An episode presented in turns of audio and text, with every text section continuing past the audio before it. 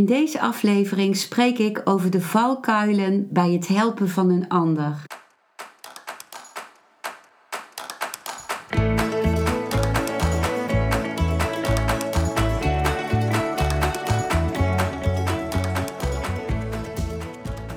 Welkom bij een nieuwe aflevering van Modita's podcast Van Pijn naar Zijn. De podcast waarin ik je meeneem voorbij de pijn in je leven naar wie je diep van binnen bent. Hoe kun je beter omgaan met je gevoelens? Hoe vind je rust in je hoofd? Wat zit er precies achter je pijn? En vooral, hoe kun je steeds meer jezelf zijn? Adem eens diep in en uit. Ik wens je veel luisterplezier.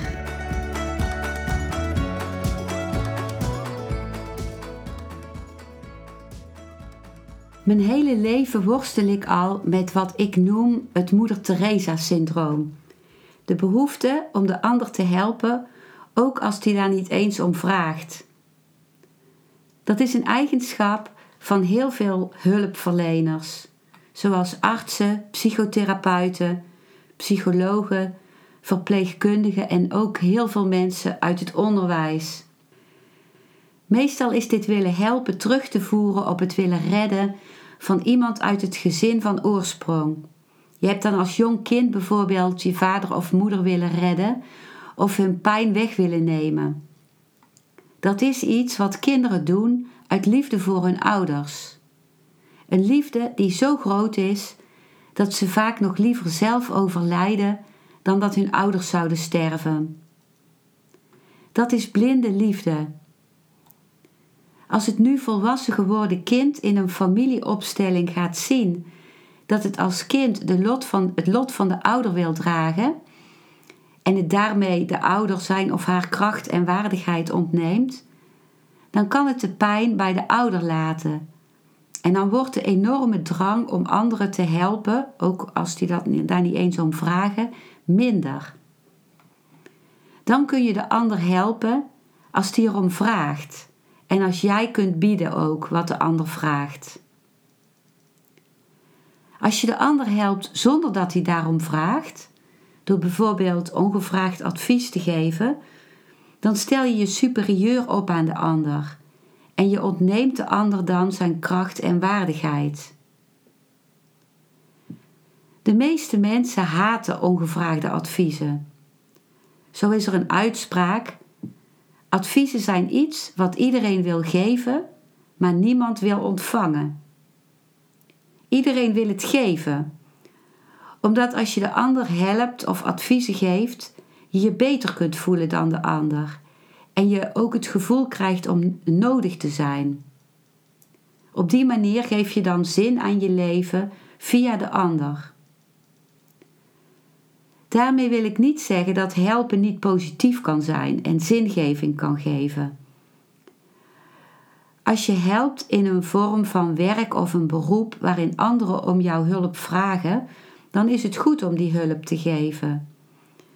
Maar het is belangrijk dat je de ander vooral ondersteunt in zijn of haar eigen zelfhelende vermogen, om dat vermogen te gebruiken. In het Duits is er de uitspraak Ratschläge sind auch. Dat betekent adviezen zijn ook slagen omdat ik het willen helpen van anderen, mijn moeder Theresaschap, maar niet los kon laten, ging ik op een gegeven moment naar de Osho International Meditation Resort in Pune in India. Speciaal met het doel om van dit helpersyndroom af te komen. En wat er gebeurde een paar dagen nadat ik gearriveerd was, met dat doel in mijn hoofd, was dat ik mijn grote teen op twee plaatsen brak. En ik kwam in een rolstoel terecht. In Pune wemelt het van de therapeuten, hulpverleners en maatschappelijk werkers. En de een na de ander kwam naar me toe met een tip of een advies. Ik voelde dat deze zogenaamd goed bedoelde uh, uitingen als een zwarte regen op me neerdaalden. De een zei dat ik eens een zelfhypnoseproces moest doen. De ander kwam aan met een reiki-aanbod. En de uiteindelijke helperstouch kreeg ik toen ik in mijn rolstoel onder een prachtige boom stond en genoot van het zonlicht op de bladeren. En toen voelde ik dat iemand ineens mijn rolstoel begon te duwen om mij naar het restaurant te rijden voor de lunch. Ik voelde dat als uh, zo'n aantasting van mijn, van mijn privacy en van mijn leven. En ik was ook zo kwaad van binnen. En het was echt een hele goede leerschool van mij, voor mij om te voelen wat, wat het met mij deed dat iemand ongevraagd ging, uh, ging probeerde te helpen of iets voor mij te doen. Hoe, hoe erg dat juist mijn, mijn eigenwaarde aantastte. Dus mijn gebroken teen was de beste training die ik maar kon hebben om mijn, mijn helperschap af te leggen. Ik ervoer nu aan de lijve hoe respectloos, mensonterend en ongelijkwaardig ongevraagde hulp en advies voelde. En hoe fijn ik het juist vond als iemand gewoon met mij praatte en wilde weten hoe ik het ervoer dat ik nu in de rolstoel zat. Ik, ik had gewoon behoefte aan mensen die gewoon met mij waren in deze omstandigheid. En, en ook met me lachten en naar me luisterden en zich uh, inleefden. Bert Hellinger, de grondlegger van familieopstellingen, heeft een prachtig boek over de juiste wijze van helpen geschreven. Die, en dat boek dat heet De kunst van het helpen. Dat is een boek wat ik, wat ik hier onder deze uh, aflevering zal vermelden. En ik heb het al, al een aantal keer gelezen en steeds haal ik er weer nieuwe inzichten uit.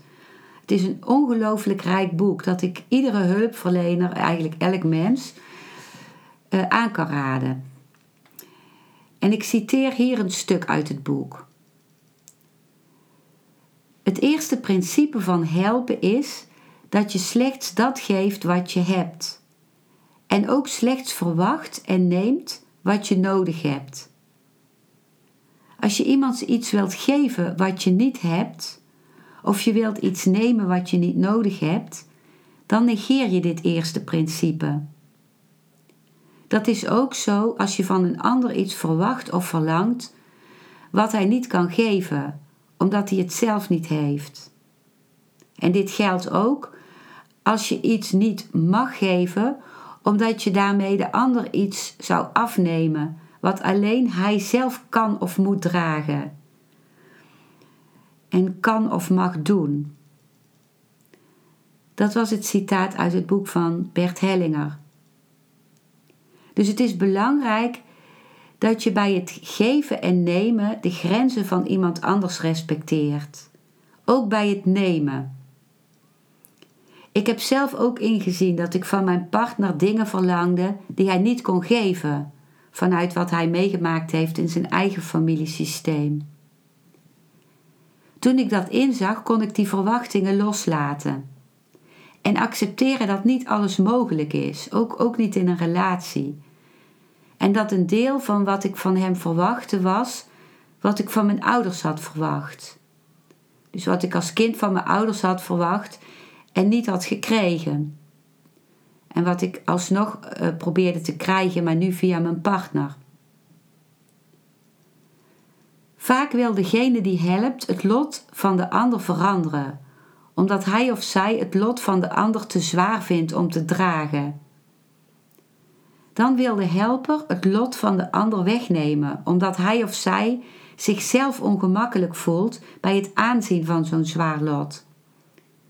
Terwijl die ander misschien zijn of haar lot best zelf kan dragen.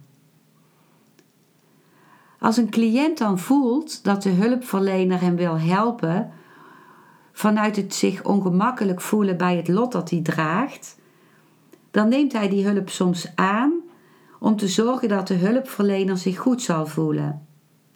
De cliënt voelt de hulpeloosheid van de hulpverlener. Maar wie is dan degene die geeft? Wanneer iemand te veel hulp wil verlenen, is die hulpverlener vaak degene die juist behoeftig is en heeft hij of zij de cliënt nodig om zich goed te voelen. De cliënt is dan de gever en de hulpverlener in feite de cliënt. Hoe zit het nu met het helpen van ouders aan kinderen?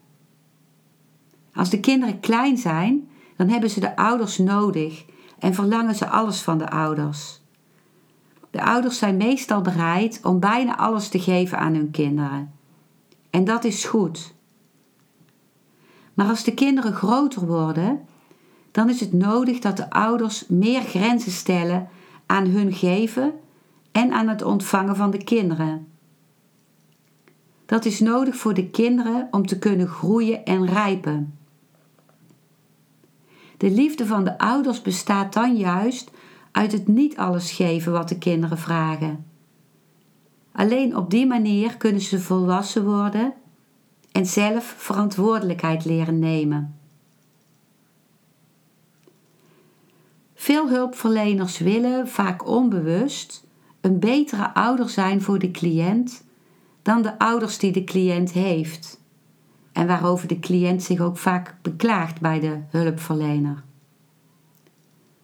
Als de cliënt de hulpverlener als een betere ouder gaat zien dan zijn eigen ouders, versterkt dat vaak het ego van de hulpverlener. Dus is de hulpverlener daar soms onbewust blij mee. Die gaat zich daardoor juist extra goed voelen. Maar wat er gebeurt is dat de cliënt dan juist niet geholpen wordt en verzwakt wordt. Want de cliënt krijgt juist kracht en een flow in zijn leven als die van zijn ouders neemt en hun support in zijn of haar rug voelt. Als de therapeut de rol van de ouders over wil nemen, krijgt hij ook de rol van de ouders toebedeeld door de cliënt.